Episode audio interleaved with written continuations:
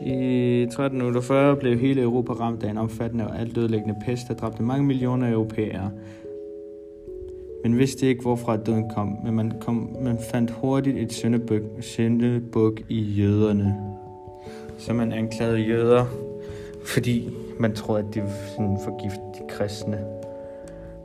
Og hvad hedder det?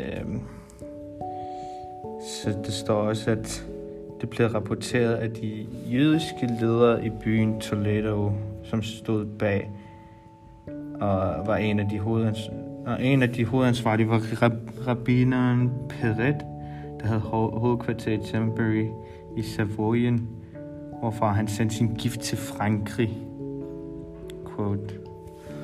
Øhm, så Grev Amadeus den 6. af Savoyen fik et antal jøder, der boede i Genevasøen, arresteret og udsat for tortur, hvorefter de naturligvis tilstod alt.